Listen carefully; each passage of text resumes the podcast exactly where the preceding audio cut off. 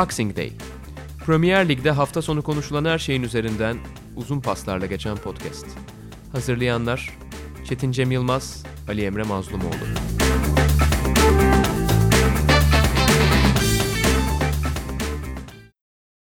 Boxing Day'e hoş geldiniz. Sokrates Podcast'in Premier Ligi konuştuğumuz programında ben Ali Emre Mazlumoğlu, Çetin Cem Yılmaz'la birlikteyiz. Merhaba herkese. Evet hemen ligi değerlendirmeye başlayalım. En çok beklenen maç tabii ki Chelsea-Liverpool arasındaki maçtı. İlk yarıda biraz konuk ekibin, ikinci yarıda da ev sahibi ekibin daha iyi oynadığı bir maçtı. Ama sonuç olarak Liverpool 3 puanı aldı. Yine Chelsea tablonun ikinci yarısında kalmak zorunda kaldı. Liverpool ise 6'da 6 yaparak yoluna devam ediyor. Ee, Liverpool bu sayede lige 6'da 6 ikinci, ikinci sezon üst üste 6'da 6 ile başlamış oldu ve Premier Lig tarihinde bunu başaran ilk takım oldu. Şimdi biraz böyle e, nasıl denir sinik yaklaşan arkadaşlar hemen tabii Liverpool her zaman böyle başlıyor ama gerisini getiremiyor diyecek ama işte iki sezon üst üste bu başarıyı yakalayan hiçbir takımın olmaması iyi tabii ki. Ama bu maçı çoğu yorumlayan kişi herhalde Chelsea tarafından baktı. Çünkü bazen bir hani çok iyi olmanın ya da böyle hani neredeyse kusursuzluğa yakın olmanın biraz bir dezavantajı var. İnsanlar bu maça baktığında Liverpool'un kazanmasını bekliyor ya da bundan sonraki çoğu maçta böyle olacak. Liverpool nasıl geçen hafta Manchester City puan kaybettiğinde büyük olay olduysa ve bu hafta 8 gol atmaları nispeten normal bir e, hikaye ise Liverpool adına da böyleydi. Bu maçı pek çok kişi Chelsea tarafından okudu ve Chelsea adına pozitif sinyallerin olduğu bir maçtı açıkçası. Fakat Liverpool yine kazandı ve e, Stamford Bridge'den 3 puanla döndü. Ve beni maçtan önceki gün okuduğum ve şaşırtan bir istatistik vardı. Bilmiyorum denk geldim. Klopp'a da sorulmuş. Ee, Liverpool Big Six yani ilk altı City, United, Arsenal, Tottenham ve Chelsea deplasmanlarında oynadığı son iki maçın 10 son 12 maçın sadece bir tanesini kazanabilmiş. Bu Klopp'a soruluyor. Klopp da çok şaşırıyor. Ben de duyunca çok şaşırdım. Hafızamı evet tazeledim. Yani hani Liverpool bunları kazanıyor. Arsenal'e gidip yeniyor falan diye düşünüyorum ama o doğru. Geçen sene Arsenal Chelsea, e, United Arsenal daha yeni yendi falan. Evet ama deplasmanda. Ha deplasman maçları evet. aynen. Hı-hı. Beraberlikler geldi ki zaten bunlar e, geçen senenin şeyleri oldu hikayelisi. Yani geçen sene bir tek Tottenham'ı deplasmanda yenebilmişti. E, City'ye yenilmişti. Dolayısıyla Liverpool adına aslında hani bütün bu maçları kazanıyor gibi görünse de deplasmanlarda beraber kalıyor, evinde kazanıyor bu rakiplere karşı. Stamford Bridge'de bu yüzden Chelsea yenmek önemli de bir eşikti. Ve bunu duran toplarla, frikiklerle de olsa yapmaları anlamlıydı. Evet, duran top meselesine girince yani illa böyle şampiyonluğa oynuyorsanız sonuçta 38 tane maç var önünüzde. 38 maçın dışında da gidiyorsunuz Şampiyonlar Ligi'nde oynuyorsunuz. Bu sene UEFA e, daha doğrusu uluslararası kupaya gidip gelinecek. Arada yerel kupalar var. Yani hepsinde çok iyi bir performans beklemek zaten akıl dışı bir şey olur. İşte böyle çok iyi oynayamadığınız, rakibi tam olarak boğamadığınız maçlarda da o yani bildiğimiz Liverpool'u ortaya koyamadığınız maçlarda da bazı şeyleri iyi yapmanız gerekiyor. O iyi yapmanız gereken şeyler de aslında detaylar. Şimdi Liverpool detaylar konusunda da çok acayip bir takım olmaya başladı. Mesela Chelsea karşısında belki çok iyi oynamadı. İkinci yarı özellikle bence yani Chelsea'den yediği o baskı çok ilginçti. Ama duran toplar üzerine çok çalıştığı o kadar belli ki bir taraftan işte Salah'ın Robertson önüne Robertson diyorum. Arnold'un evet. önüne bırakması onun şutu. Diğer taraftan ikinci golde Robertson'la Arnold'un arasında yaptığı organizasyon meselesi. Ki buna baktığımızda da Robertson maç sonunda şöyle bir şey demiş. Ya biz her maç öncesi oturuyoruz. İlk önce videoyla bir izliyoruz. Rakibin bu sadece şey için. Genel analiz, analiz değil, duran top analizi. Rakibin zaaflarını beraber gözlemliyoruz. Sonra çıkıp sahaya o şeyler üzerinden taktikler geliştiriyoruz. Sadece duran top için bunu yapan bir takımdan bahsediyoruz. Ve burada da şeye dikkat etmişler. Orta ikilinin çok zayıf, savunmadaki orta ikilinin çok zayıf olduğu konusuna dikkat etmişler ve o yönde çalışmışlar. Bu her zaman size sonuç getirmiyor ama bu sefer getirdi ve kazandık diyor. İşte burada detaylara dikkat etme meselesi bence çok önemli. Yani biliyorsun herhalde taç için bile bir antrenörü var Liverpool'un. Onun üzerinde çalışıyorlar. Bence çok önemli. Yani bir, bir seviye takım bir seviyeye getirdikten sonra zaten detaylar önemli olmaya başlıyor. O noktada da iyi gözüküyor gibi. Evet yani tam dediğin gibi Taç hocası geçen sene çok konuşulmuştu. E, Opta'nın verdiği bir istatistiğe göre de geçen senenin başından bu yana e, ligin en fazla duran toptan gol kazanan takımı Liverpool. E, sanırım da en yakın rakibinin böyle 10 gol falan ötesinde. Yani böyle çok belirgin bir fark var. E, Liverpool sürekli e, sıkışan bazı maçları da öyle kazandı. Geçen sene e, Newcastle maçıydı galiba. Ligin son haftaları Liverpool'un artık biraz Hı-hı. Şampiyonlar Ligi'nde de devam ediyordu. Dolayısıyla lig galiba kaçıyor falan filan denirken o 3-2'lik bir Newcastle maçında. Mesela son dakikalarda böyle akıllarda kalan pozisyon var. Van Dijk e, sanırım Şakir'e sen kullanma Trent kullansın dedi ya da tam tersi oldu. Trent kullanmasın Şakir'i kullansın falan. Çünkü belli ki önceden konuşulmuş bir şey bir sağ ayak sol ayak muhabbeti olmuş.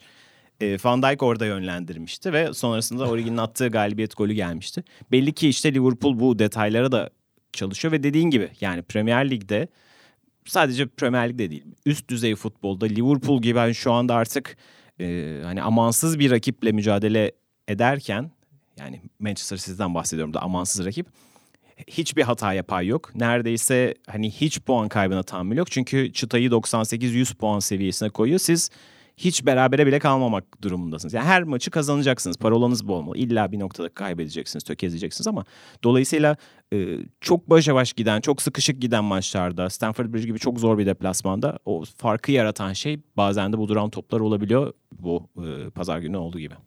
Bir de Chelsea tarafından biraz maça bakalım istersen. Onlar da bir 3-5-2 ile Wolverhampton deplasmanına gidip oradan iyi bir galibiyet çıkarmışlardı. E, hafta içi de yanılmıyorsam öyle oynadılar. Maçı izleyemedim ama orada bir yenilgi olmuştu. Bu maça 4-3-3 ile çıkmayı istedi. Kante'nin tabii geri dönüşü de bunda biraz etkili oldu. Yani şu bence bir belirgindi. Chelsea'nin o savunma bloğuyla orta saha arasında bıraktığı boşluk yani Jorginho ile Kovacic olmuyordu yani. O iki tutkal görevini göremiyordu bir türlü. Kante'nin oraya gelmesiyle biraz onu toparladılar gibi.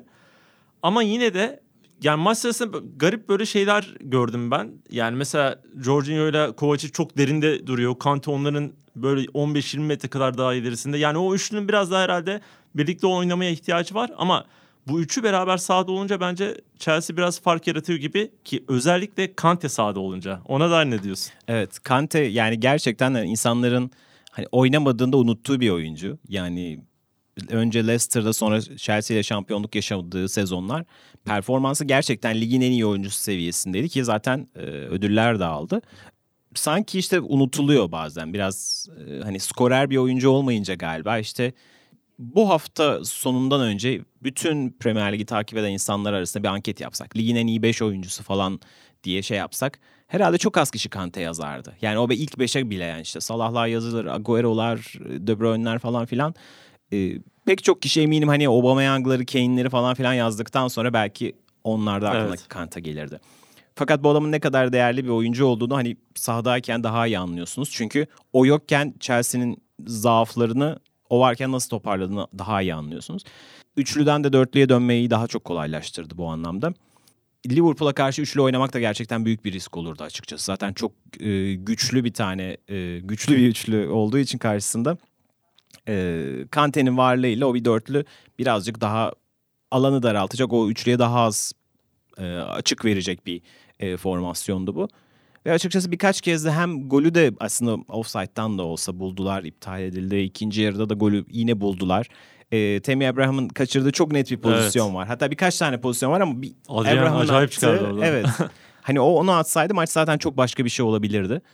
E, biraz herhalde o Abraham'ın bu maçları daha çok yaşaması gerekiyor. Çok formda gelmişti. Hani suçlanacak bir bu konumda değil. Kesinlikle. İkinci yarıda Batshuayi'nin bir e, pozisyonu var. Yine Adrian çok iyi çıkarttı. Ve 70. dakikada yine Kante'nin golüyle Chelsea yine maça ortak hı hı. oldu. Liverpool orada hem tecrübesiyle hem yine savunmasıyla tutunmayı başardı.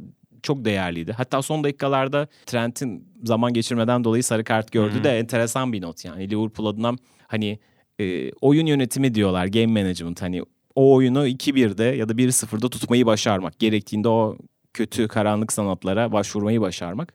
Liverpool bunu da başardı. Bir anlamda tabii ki hani burun kıvrılabilecek bir şey ama mesela geçen seneki Manchester City Liverpool maçını çok az kişi zannediyorum hatırlar. O maçın uzatma dakikalarında yani iki dakika falan böyle bir City touch atmadı, topu kenarda öldürdü falan filan. Bu da bu işlerin bir parçası. 2-1 kazandığı maçın o hani uzatma dakikaları ne kadar kıymetli tahmin edersiniz.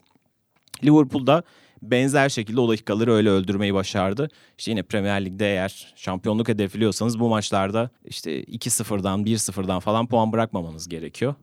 Ee, bunu da başarmış oldu. Evet kayıpsız çıkmak çok önemli ama Chelsea'nin de bir yandan o 2-0'dan sonra ikinci yarıda da Liverpool biraz daha iyi başlayan tarafta ama ondan sonra topu ya oyunu toparlayıp daha doğrusu özellikle son bölüme hiç acele etmeden bilerek sistemli hücum yapıyor olması falan beni bayağı bir etkiledi. O anlamda Chelsea yine hala tablonun altında ama yani hala ilk 6 için belki ilk 4 için ortaya bir şeyler koyabileceğini, zamanla çok daha iyi bir takım olabileceğini gösterdi. O noktada da kıymetli diye düşünüyorum. City'ye geçelim istersen çünkü orada da çok acayip bir şey oldu yani Norwich deplasmanında evet. bozguna uğradılar tamamen ama geri dönüşü inanılmaz yaptılar. Yani herkesi susturdular, bütün eleştirileri susturdular ve tarihin de en hızlı 5-0'ını bulan takım oldular bir anda.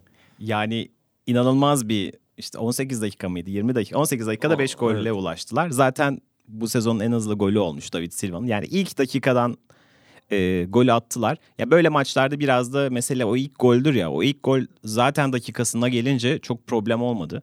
Watford adına yani hani böyle bu maçı bıraktılar demek doğru olmaz. Tabii ki önünüzdeki her maçı oynarsınız ama e, muhtemelen bu maça tamam çıkacağız varımızı yoğumuzu ortaya koyacağız. Hedef maç olarak bakmamışlardır. Ve işte o ilk golü yemeleri çok erken kırılmalarına sebep oldu. Hani böyle yattılar falan anlamında söylemiyorum ama e, hani fikstür önünüze koyarsınız. İşte bu maçtan 3 alırız, bu maçtan 1 alırız falan filan dersiniz. Bu maçın üzerine bir beklenti yaşadıklarını zannetmiyorum. Dolayısıyla hani sıfır yazıp geçtikleri bir maçtır zaten. Hani ama bazen de öyle bir şey olur ki e, oyun sizi getirir. Buradan biraz çok alakasız bir örnek olacak ama yine Sokrates YouTube kanalında Canereller'in Ufuk Sarıca ile yaptığı şey röportajı vardı. Amerika maçından bahsediliyor. Ha, turnuva bittikten sonra. Evet, Dünya Kupası'ndaki. Yani o Ufuk Sarıca da benzer şekilde tam ifadeleri hatırlamasam da birebir cümleleri şöyle diyordu. Yani biz aslında hani insanlara şey eleştirisi getirilmişti insanlardan. Yani niye çek maçına asılmadınız, Amerika maçına asıldınız? hani diyor ki biz aslında öyle çıkmadık o maça. Yani Amerika maçına da tabii ki kaybetmek için çıkmazsınız. Yani oynarsınız. Ama maç öyle bir yere getirdi ki biz bir yerden sonra bırakamayız o maçı dedi. Haklı olarak. E, Watford eğer hani 25-30. dakikaya kadar dayansaydı belki başka bir direnç kazanırdı. Ama ilk dakikada gol yiyince de hani hadi biz bu maçı da canım varımızı yoğumuzu ortaya koyalım çevirelim halinde olmadığı açıktı. Ya bütün bunları da tabii ki City'nin şeyini yapmak için söylemiyorum. City şu anda 24 gole ulaşmış. Geçen sene bu takım Schalke'ye de 7 gol attı. Yani hani böyle düzgün savunması olan bir takımdı yani Schalke.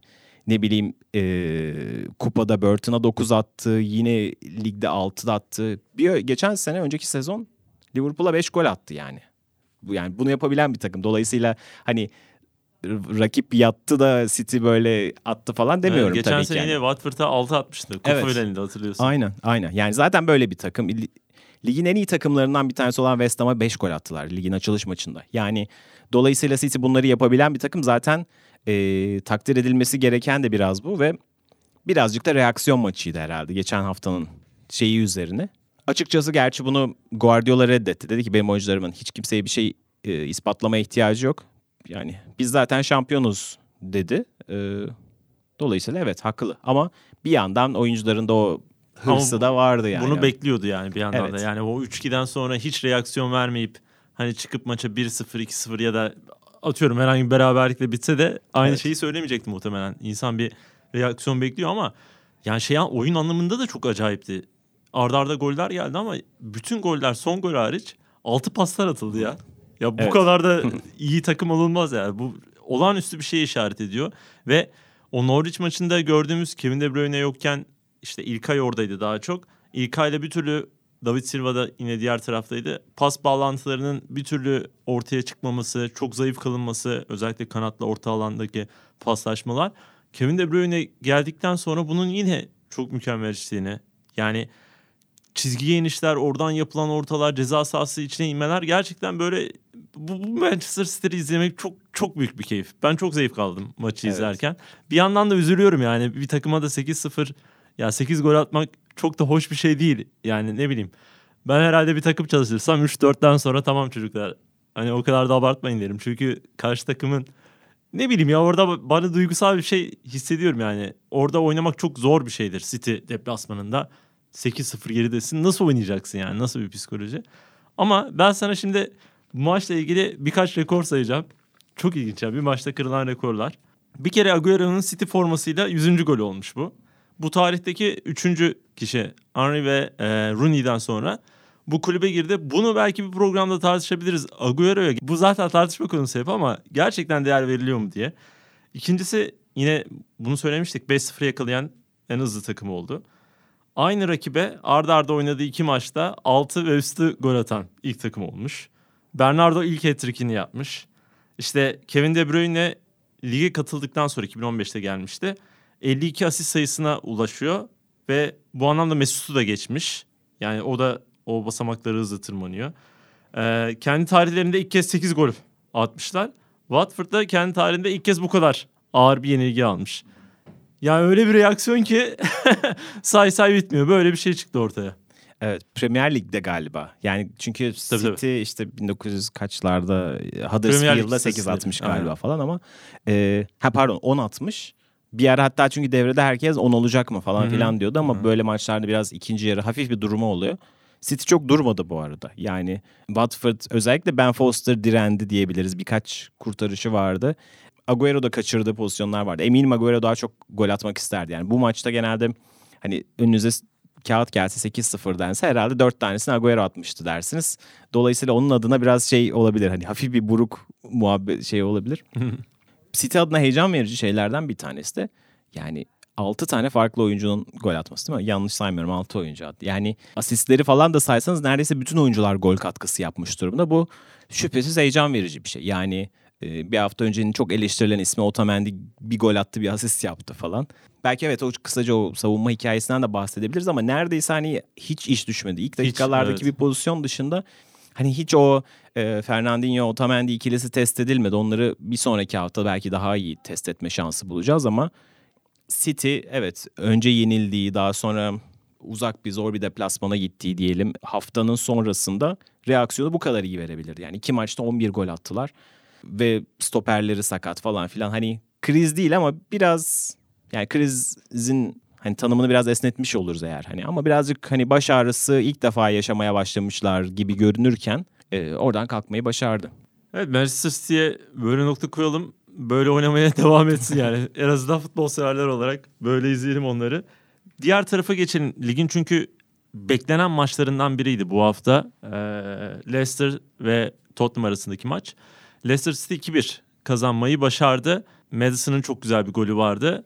Tottenham da bir yandan yenilerek yine bir soru işaretlerini getirmiş oldu. Evet yani bu hafta açıkçası yani öndeyken kazanmaları büyük moral olacaktı ve büyük kısmında önde götürdükleri bir maçtı. Ama hala Tottenham adına hani geçen hafta da konuşmuştuk ya hep daha Tottenham'ı kafamda oturtamadım ve hala da e, oturmuş görünmüyor. Biraz problemi acaba böyle hani haftalık haftalık performans değil de daha genel olarak mı yorumlamak lazım diye düşünüyorum. Acaba geçen sene bu takım zirve yaptı artık hani peak'i bu ve şu anda bir platodalar yani. Dolayısıyla onun buhranını mı yaşıyorlar diye düşünüyorum. Belki Pochettino da bu yüzden arayışlarda işte hala ideal o orta sahasını tam bulamadı. Lamela çok sık forma şansı buluyor mesela. İşte Eriksen'le Moura pek oynamıyor açıkçası. E, Endombele döndü falan. Bir türlü daha ideal hikayeyi bulamadılar yani. Bu anlamda ben sorunun sadece işte sahada değil de daha ziyade Tottenham'ın kendi kimliğiyle ilgili olduğunu düşünüyorum. Çünkü eğer Şampiyonlar Ligi finaline yükselmişseniz artık belli bir eşik geçirmiştir. Bir sene sonra tekrar dönüp ilk dört mücadelesi yapmak e, kimseyi mutlu etmez. Artık herkes bir kupa görmek ister. Yani ya Avrupa'da yine oralara çıkmak istersiniz, finale çıkmak istersiniz ya da artık ligde bir şampiyonluk mücadelesi yapmak istersiniz. Tottenham bunun ikisinin de gerisinde kalmış gibi görünüyor. Yine Yunanistan'da da bu arada 2-0'dan 2-2 beraberlikle evet. döndüler. Yani o da açıkçası e, yani normalde Yunanistan deplasmanı zordur. Olympiakos bu sene iyi bir takım fakat 2-0 ilk yarıda öne geçtiğiniz bir maçı 2-2 veriyorsanız ve bu sene defalarca hani Arsenal maçında yakalandınız. İşte bu maçta yine yakalandınız. Ligin sezonun artık hani 7. maçında 3 kez önde iken puan veriyorsanız hı hı. bu açıkçası soru işaretleri yaratır. Ve dediğim gibi sorunun sadece saha içinde olmadığını Tottenham'ın kendine dair bir hani bir sorgulama yapması gerektiğini düşünüyorum açıkçası. Evet bir de işin şu yönü de var. Tottenham'ın deplasman karnesi giderek yani gerilemeye başladı. Deplasmanda son yediğim maçta, yendiği maçta, kazandığı maçta daha doğrusu henüz Wembley'de oynuyormuş iç saha maçlarını. O kadar eski bir dönemden bahsediyoruz. Ya deplasmanda oyun kazanmak demek aslında oyunu kontrol edebilmek demek. Çünkü dışarıda oynuyorsanız maç her türlü şeye açık oluyor karşı tarafta rakip adına. Çünkü seyircisiyle başka bir atmosfer yaratıyor. Oyuncu, karşı tarafın oyuncusu daha farklı bir motivasyonda oluyor. O yüzden oyunu kontrol etmeniz gerekiyor. Ben sanırım bu orta saha yapısıyla hani zaten biz Tottenham'da çok sık görmüştük baklava 4-4-2'yi ama bu orta saha yapısıyla Endombele, Sissoko arkalarında Wings falan sanırım o sertliği, o oyunu kontrol edebilecek orta sahayı çok hayal edemiyorum. Olmuyor gibi. Deniyorlar mesela geçen sene o rakibin ataklarına bir anda çat diye son verip ileriye çıkan o hırpalayan falan Tottenham bu sene hiç yok. Bu Leicester maçında mesela o kadar rahat geldiler ki yani son pasları ya da son topları biraz daha iyi yapabilseydi Leicester bence daha önceden de maç kopabilirdi. Bir yanında bu var Tottenham'ın. İkinci yanında da Leicester'ın yani şey anlamında çok dinamik değiller mi ya? Oyun anlamında böyle güçlü gözüküyorlar. Fizikleri çok güçlü. Ona biraz baktım. Bir tane de yazı okudum gelmeden önce. Yani Brandon Rodgers geldikten sonra hemen ilk iş. Gerçi antrenörler bunu hep yaparlar da antrenman sistemini değiştirip daha böyle yoğun sıkı antrenmanlar yapmış ve bu, bu da çok ciddi sonuçlar doğurmuş. Çünkü geçen seneden Rodgers'ın daha doğrusu takımı aldıktan sonraki zaman diliminden bu zaman dilimine kadar son 20 dakika içinde en çok gol atan takım Liverpool'dan sonra Leicester. Ya demek ki bundan da sonuç alıyor. Oyun içerisinde değişebiliyor. Vardy ile hızlı hücumlar, uzun toplar ya da işte Tielemans, Madison, Ndidi onları kullanarak daha böyle geriden yavaş yavaş gelmeler, rakibi boğmalar falan. Bunların ışığında bunu biz tartışmıştık ama Leicester sanki ciddi ciddi böyle bir ilk 6 ya da ilk 4 adayı gibi olmaya başladı. Evet geçen haftaki e, United mağlubiyeti açıkçası biraz soru işareti yaratmıştı ama hani Old Trafford'dan her zaman gidip 3 puan alamazsınız. Gerçi yani United'da böyle yakalamışken en azından puan alabilmeliydi. Oyun anlamında çok böyle e, pozisyon yaratabilen bir Leicester City yoktu o gün. Fakat Tottenham karşısında hem çok hani cesur bir anlamda da tırnak içinde biraz şanslılardı. Hani o bir sonun offside pozisyonu var. Bu maç kopabilirdi. Hı hı. Bu arada bu hafta o kadar çok maçta evet. var maçları döndürdü ki yani kimileri doğru karardı. Yani çoğu doğru karardı aslında ama hani sonunki gerçekten hani son nokta biraz böyle gereksiz bir kelime oyunu oldu ama hani milimetrik bir hani çizgiyi bile bir üst birbirinin üstünde duran bir kırmızı bir mavi çizgi var. Ee, ya ben sana şunu soruyorum. Gerçekten çok, çok saçma değil mi ya? Bu kadarı bana çok saçma yani, geliyor evet. açıkçası evet. Yani teknoloji karşıtı değilim. Hani şey diyenlerden değildim ya. Futbol hatalarıyla güzel demezdim eskiden. Ama ya bu kadar milimetrik ve oyuncu avantaj sağladığı bile çok tartışılan bir hatta neredeyse tartı yani bir avantaj sağlamayan bir pozisyonda bile offside'ın e, evet yani şey yapılması bana tuhaf geliyor. Son topu alıyor zaten gidiyor. Çağlar önünü kesiyor. Top sonra sağ tarafa geliyor. Orada gol oluyor. Yani pozisyonda da çok hani evet. doğrudan bağlantısı yok gibi. Var bir dolaylı bağlantısı evet. ama ya birkaç ay önce ben VAR sistemiyle ilgili bir şey okumuştum. Ya sonuçta kameralar saniyede belli bir kare çekebiliyor ve bütün milimetreleri gözümüzün önüne seremiyor. Bu doğru değil. Yani top ayağından çıktığında son offside'da da olabilir. Yani o gördüğümüz pozisyon var ya aslında net bir şey değil. Değil. Offside'da da olabilir ya da o kareyi alamamış olabilir kamera. Ya çok iyi dijital teknoloji var belki. Ya daha doğrusu teknik teknoloji var ama alamamış olabilir ve biz sonu gerçekten daha gerisindedir. Ya bu, çok da dolaylı bir pozisyon. Bence bu kadar karışmak bana çok saçma geliyor. Yani şey gibi hissettim ben. Ya filmi izliyorsun böyle. Güzel gidiyor ama o kadar saçma bir sahne oluyor. Ondan sonra kaçıyor ya zevkin. Böyle ne verirse versin sana film böyle bir hoşlanmıyorsun yani. Ya onun gibi bir şeye döndü bu pozisyonda. Biraz evet katılıyorum ben de. Yani şöyle itiraz edenler var. Diyorlar ki offside mi offside. Tamam o zaman ne tartışıyorsunuz? Yani işte bunun bir milimetresi bir metresi mi olur? Ama bence olur. Yani bence biraz olmalı. Hı. Şimdi tabii ki benim söylediğime karşı işte biraz daha biraz daha mühendis bakanlar, biraz daha teknik bakmayı sevenler şöyle diyecektir. E o zaman ne yapılabilir? Bunun ölçüsü mü olacak yani 30 santimetre falan filan diye ya da 25 santim, 3 milim, 5 milim yani. Doğru ama Premier Lig'de hakemler nasıl penaltı mesela konusunda eğer ben gördüm diyorsa çalıyorsa geri dönüp bakmıyor mesela. Hı hı. Eğer çok bariz bir şey yok. Yoksa kenardan da zaten uyarı gelmiyor. Hani hadi sen yanlış görmüşsün. Çok vahim bir şey görmemişse. Türkiye'de kullanımından farklı. Türkiye'de daima hani bir artık bir şey oldu mu hakem gidip izliyor. Genara soruyor falan filan. Bu İngiltere'de öyle değil. Hakemler emin oldukları pozisyonlarda şey yapmıyorlar. VAR'a çok başvurmuyorlar. Ama offside konusu çok enteresan bir hal aldı bence. Ve biraz kabullenmekte zorluk çekiyorum ama bakalım yani. Bu bu iş bence bir anlamda geriye dönüş çok kolay olmayacak doğru. Ama birazcık daha e, var futbolun o hakemliğe dair yorum kısmını bayağı bitirdi. İşte penaltılar konusunda, ele çarpan toplar konusunda neredeyse yorum hiç kalmadı. E, bu tarafını da değiştiriyor futbolun. Ama bu kısmına alışacak mıyız yoksa geri mi döneceğiz bunu merak ediyorum açıkçası. Çünkü yani bayağı hani ağzımda acı bir tat bıraktı mesela benim bu pozisyon yani. O zaman acı tattan biraz daha güzel bir tada, eğlenceli bir tada doğru geçelim. Arsenal maçını konuşalım. Gerçi ne kadar eğlenceli onu da konuşacağız ama Arsenal 3-2 yendi. Acayip bir geri dönüş bir kere. Yani muhtemelen Maitland Nice'ın oyundan atıldığı zaman 1-0'da da geri, gerideydi zaten Arsenal. Şeyi düşünmeye başladık. Ulan Emery gidecek şimdi kim gelecek? Çok ne olacak Arsenal hali falan filan derken 10 kişi takım 3-2 kazanmayı başardı. Çok acayip bir karakter ortaya koydular. Evet bir de 10-0 kazan 10-0 diye 10 kişiyle kazanırken şöyle olmadı. Ee, hani 1-0 kazandı ve sonra 2-1 olmadı. Bir gol attılar ve hemen yeni yediler. Yani yine bir orada bir Arsenallik daha yaptılar aslında. Fakat son 10 dakikada o 2 gol.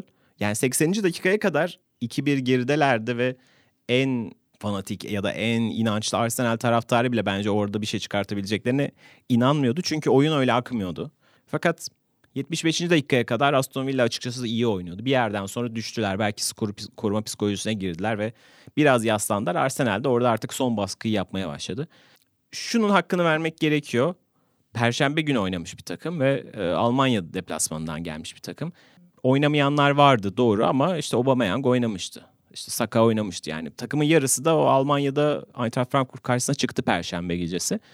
Dolayısıyla 10 kişiyle yarısı da yorgun olan, 3 gün önce bir maç daha yapmış olan bir takımın e, o son baskıyı yapması, geri dönüşü sağlaması kesinlikle takdire şayan. Ama bu Arsenal'de hani işlerin yoluna gittiğini gösteriyor mu? Bence göstermiyor. Ve maç sonrasında da Gol.com'un Arsenal muhabiri Charlie Watts yazısını okudum.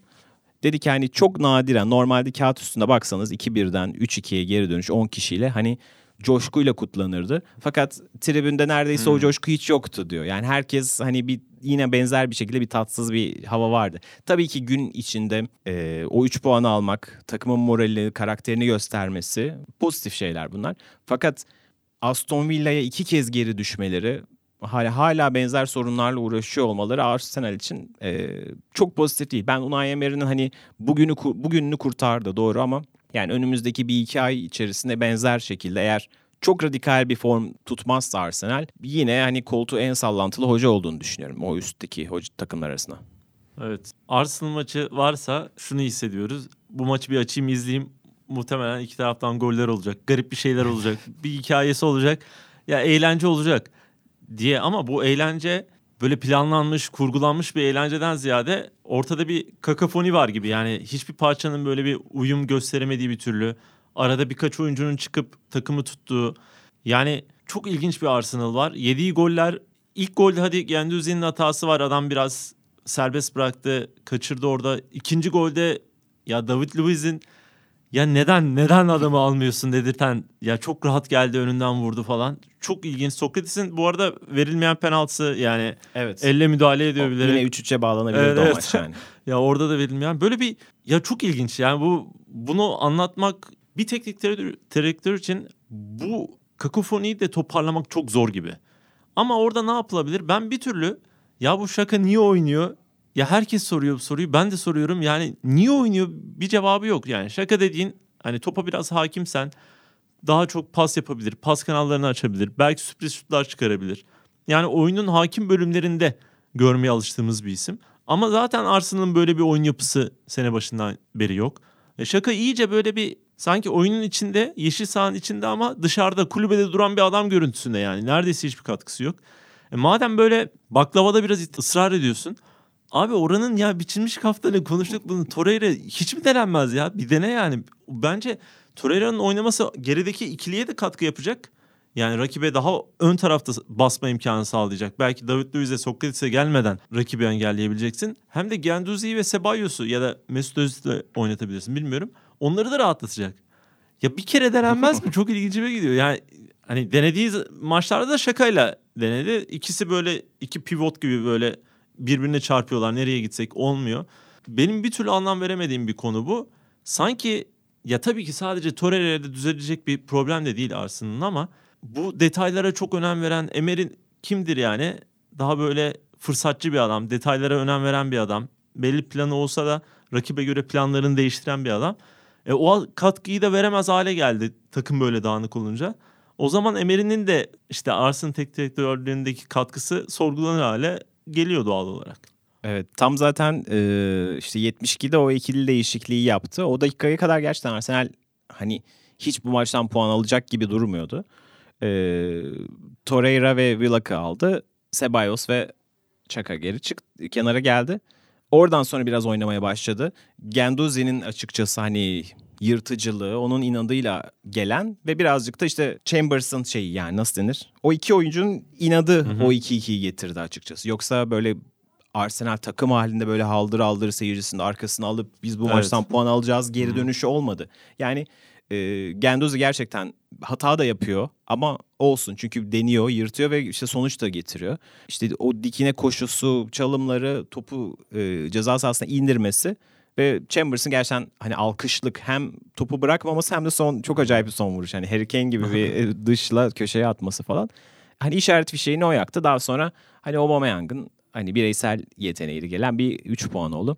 Arsenal'in elinde benzer bazı yerlerde aslında çok hani umut verici parçalar var. Ama bazı yerleri de işte çok hani yumuşak. Yani David Luiz Sokrates ikilisiyle herhalde bu sene yani geçmeyecek yani nasıl geçecek bilmiyorum. Ocak ayında bir, birilerini alacaklar herhalde ya da hani akademiden kimse çıkmıyor mu falan filan ama bomba gibiler yani. İkisi de sürekli hata yapmaya çok çok teşne oyuncular. Ama eğer böyle bu tip elinizde böyle savunmacılar varsa hani şey vardır ya yediğinden bir fazlasını atma. Arsenal bunu başardı bu hafta özelinde.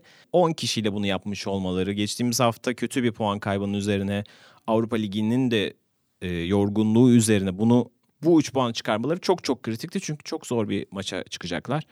Yani kağıt üstünde çok zor bir maça çıkacaklar Manchester United ve şimdi o maç belki oradan da yavaş yavaş bağlayabiliriz. O maça yenilgiyle çıksa Emery'nin işi çok çok daha zor olacaktı. Şu an hafif bir kredisi var hem puan anlamında hem kendi pozisyonu anlamında.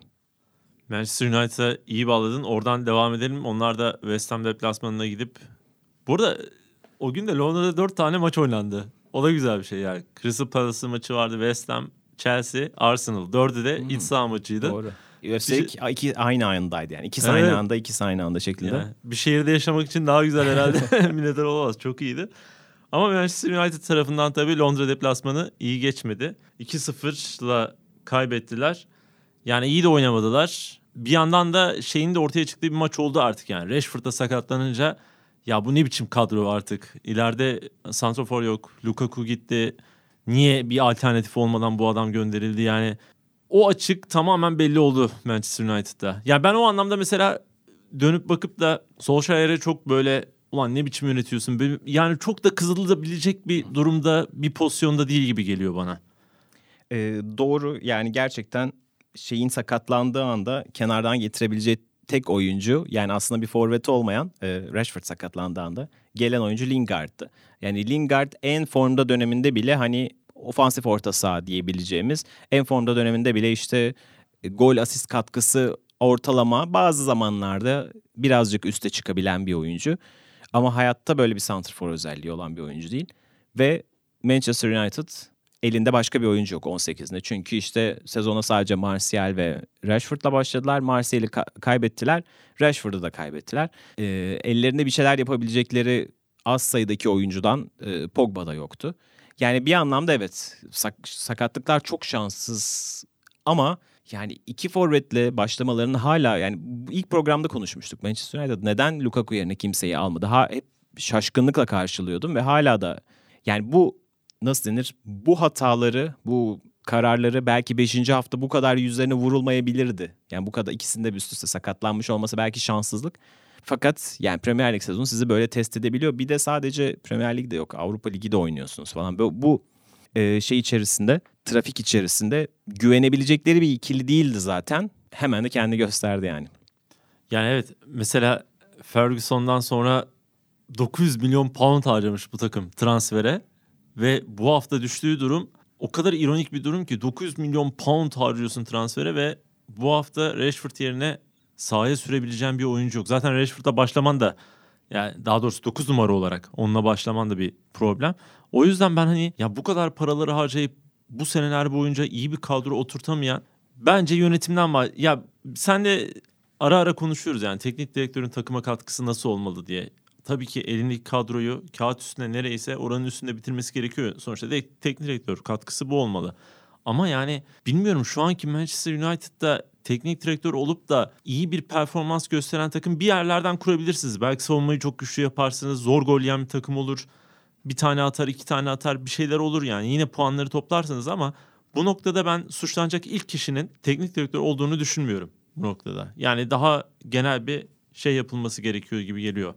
Yani şimdi transfer konusunda e, zaten Manchester United'lılar her zaman e, yönetimden, Woodward'dan e, özellikle çok şikayetçiler. Ama sezon başında oturulurken yani bana bir sağ bek alın bir de stoper alın. Hani Harry Maguire mutlaka bitirin demişti ki herhalde. Hani bu kadar uğraştılar Harry Maguire için ve hani bir noktada herhalde Lukaku'nun satılmasına da onay vermiş olması lazım. Yani tabii ki kulüp hiyerarşisinde o kadar güçlü olmayabilir. Hiçbir teknik direktör bunu alın bunu satın diyecek kadar değildir ama bir noktada bana bu, bu adamı ya da en azından bu profilde bir forvet alın falan diyebilmeliydi diye tahmin ediyorum. Hani belki e, zaten çalkantılı bir kulüp kendisi yeni bir hoca e, belki perde arkasında şikayet etmiştir de perde önünde çok fazla kameralar karşısında çok şikayet etmemiştir. Çünkü bu, bu iş böyle bir diplomasi oyunu yani. Arkada kavganızı edersiniz ama önde taraftara karşı yönetimi satamazsınız. Çünkü e, bu sefer sizin ipinizi çekeceklerdir. Evet. Bu sefer de kendi oyuncunuzun güvenini kaybedebilirsiniz. Yani çok zor bir denge var orada. Mesela Mourinho'nun en çok eleştirildiği şeylerden bir tanesi buydu. E, Alexis Sanchez'i korumak için mesela şey diyordu. Yani yanında çoluk çocukla oynadı bu adam ne yapsın diye. Bu sefer bütün genç oyuncuları satmış oldu. Ee, Solskjaer'de tam tersi. Ee, geldiğinden beri oyuncuların motivasyonunu artıran işte Pogba'nın, Rashford'ın takımın ruhunu artırmaya yönelik hamleler yaptı. Bu ilk geldiğinde de büyük ölçüde başarılı da oldu. Fakat bir yerden sonra da hem sakatlıklar hem de kadro darlığı birleşince çok böyle şey bir şey olarak da hani şapka düştü kel göründü muhabbeti var ya öyle. Ama e, ya bu arada şeyden bahsetmiyorum. İlla Manchester United'ın forveti 80 milyona Lukaku'yu sattıysanız bütçenize de böyle bir ayarlama yapacaksınız. İlla Icardi'yi almak zorunda hmm. değilsiniz yani. Ama bütçenize göre hemen karşınızdaki takım işte Sebastian Halle işte gittiler. E, Frankfurt'tan getirdiler. Leicester'dan hadi Leicester'ın santrforu vardı. Yaşına rağmen vardı gibi bir forvetin peşine düşebilirlerdi. Hadi ben teki atamıyor sıralamadan düşünüyorum da yani hemen hemen her takımın santriforu Manchester United'dan daha güvenilir. Bugün Bournemouth'a baktığınızda Bournemouth'un ön tarafında Joshua King var, Callum Wilson var, Dominic Solanke var. Yani Manchester United'dan evet. çok daha derin bir hücum üçlüsüne sahipler. Ee, West Ham'ın attığı ilk gole bakarsak ya bu arada maçı sadece United'dan değil West Ham'dan da okumak gerekiyor. Çünkü artık belki de West Ham'ın ilk dört şansı var mı? Bunu konuşmaya başlamamız gerekiyor. Ben de tam sana o soruyu soracağım. Öyle sorayım, öyle paslayalım. Yani Leicester için konuşmuştuk. Şimdi biraz üstünden geçtik. Bir ilk dört, ilk altı şansı olabilir mi diye. Ama West Ham'a baktığımızda da 6 haftada 3 galibiyet, 2 beraberlik ve sadece bir mağlubiyeti var. E yani Noble'ın maç sonu bir açıklaması vardı. 16 senedir bu kulüpteyim ve sanırım şu ana kadarki en iyi kadroyla oynuyorum. Ya böyle bir kadro olduğunu hissediyorum diye açıklama yaptı. Şimdi bütün bunları bir araya toplayınca biraz da şeyi göz ardı edelim. İlk maçta 5-0 o biraz özel koşullar diyelim. Normal koşullar altında olmadı. Bütün bunları bir araya toplayınca bu sene orada görebilecek miyiz? Ya ilk altı beni şaşırtmaz. İlk dört şu anki koşullar göründüğünde şaşırtmaz. Evet Tottenham, Arsenal, Chelsea, United bu takımlar altına alabilir mi? Evet. Yani onların üzerinde bitirebilir gibi görünüyor. Bazı açılardan Leicester'dan da daha iyi duruyorlar bence. Az önce mesela attıkları golde ona dikkat çekmek istedim. Bence haftanın en tatlı, en güzel gollerinden bir tanesi attıkları gol. Noble ortaya veriyor. Hani bir verkaç yapacak gibi ceza sahasına dalıyor. O sırada benzer şekilde kendisiyle beraber Yarmolenko da koşusunu yapıyor. Bir anda Felipe Anderson kafasını kaldırdı ceza sahasına koşu yapmış. iki tane oyuncu buluyor. Yarmolenko'ya veriyor. Hani pek çok kişi orada belki Verkaç'ı Noble'la tamamlayacağını düşünebilirdi. Fakat Yarmolenko'ya veriyor ve çok güzel bir çok güzel e, bitirişle 1-0 öne geçiriyor. Şimdi Manchester United tarafına baktığımızda bunu yapacak oyuncuları sahada neredeyse hiç yok. Rashford çıktıktan sonra hiç yok. Yani Mata belki onu yapardı da o çok formsuz bir döneminden çok formsuz, geçiyor. Evet. Sahada o hareket yok ve kalite de yok belli bir anlamda. Şimdi West Ham'da bütün bunların da olduğunu görüyoruz. Felipe Anderson, Yarmolenko, Haller ve Noble. Yani bir bayağı bir opsiyon var yani. Rakip sahaya böyle şey yapan. Hani normalde Noble belki o ceza sahasında çok dalışlar yapabilen bir oyuncu değil ama belli ki çalışılmış bir hücum setiydi bu ve bunun sonucunda da gol geldi. Oldukça böyle rengi ve tadı olan bir takım. Ama sezonun ilerleyen dönemlerinde Felipe Anderson ve Yarmolenko'nun işte bu şekilde gol katkısına veya Allen'in e, sürdürmesi gerekiyor. Olabilir mi? Açıkçası olabilir. Çünkü geçen sene ve bu sene gayet iyi paralar harcadılar. Yani hiç boş bir kadro değil. Yani tesadüfen oluşmuş bir kadro da değil. Oldukça ya da bir iyi bir süredir tek zaten var. yönetiminde aynen tek direktör değil ama bir süredir yönetiminde planlı bir rotası var. Bunu görüyoruz Hı. işte sağ inşası olsun bu e, kadroya harcanan paralar iyi bir teknik direktörün getirilip onda ısrar edilmesi. Yani gerçekten güzel bir şeyler göreceğiz gibi geliyor. Senin ekleyeceğin bir şey yoksa yavaş yavaş kapatabiliriz. Sanırım bu maç özelinde de konuşmuş olduk evet. Haftaya dair şeyi demiştin Arsenal United'a dair bir Evet. şeyler. Şimdi o çok enteresan olacak. Yani e, pazartesi gecesi maçı sanırım. Yani özellikle dediğim gibi Arsenal o maçı kazanmasaydı çok çok daha kritik bir noktada olacaktı. Fakat şimdi bile e, yani şimdi ligin ortasında çok büyük bir yığılma var. Arsenal bir anda kendi ilk dörde attı aslında ama öyle bir şeydi ki Crystal Palace 90 artı 5'te yedi bu hafta. Hı hı. Onlar o golü yiyene kadar canlı puan tablosunda onlar dördüncüydü. bir anda yediler ve işte 12.ye falan düştüler. Ee, hani o ortadaki geçen hafta da konuştuğumuz toz duman daha yeni yeni dağılıyor ve Arsenal kendi bir anda öne atabilmiş oldu. Eğer United karşısından da 3 puanı çıkarırlarsa hani biz burada ilk 4 adayıyız ve burada kalacağız mesajını verirler ve United adına çok çok büyük bir kriz başlatmış Hı hı. olurlar. Tabii ki herkesin kafasındaki soru hani kaybeden gider mi? Herhalde iki, iki hocayı da birazcık daha kredi verecektir. Bu yani Emery geçen hafta kaybetseydi bu mağlubiyetin üzerine büyük ihtimalle gider. %90 Evet. diyebilirim. Ama Solskjaer üzerine hani biraz onun şöyle bir kredisi var. Hem camianın adamı hem sakatlıklar var. En azından hani şu Pogba, Rashford, Rashford'un gerçi ne kadar uzun olacağını bilmiyoruz ama Martial ve Pogba dönmek üzere. O haberi biliyoruz. Hani onlar bir dönsün tekrar önümüze bakalım deneyecektir. Bu anlamda çok enteresan bir maç olacak yani. Peki o zaman bu haftayı da kapatalım. Boxing Day'in de şansına yani ilk altının böyle değişeceği, neler olduğunun belli olmayacağı bir sezona giriyoruz. Öyle bir e, heyecan da var bu sezonun. Ve biz de bu sezonun gelişmelerini böyle hafta hafta konuşmaya devam edeceğiz. E, bu haftalık bizden bu kadar. Bizi izlediğiniz için teşekkür ediyoruz. Hoşçakalın.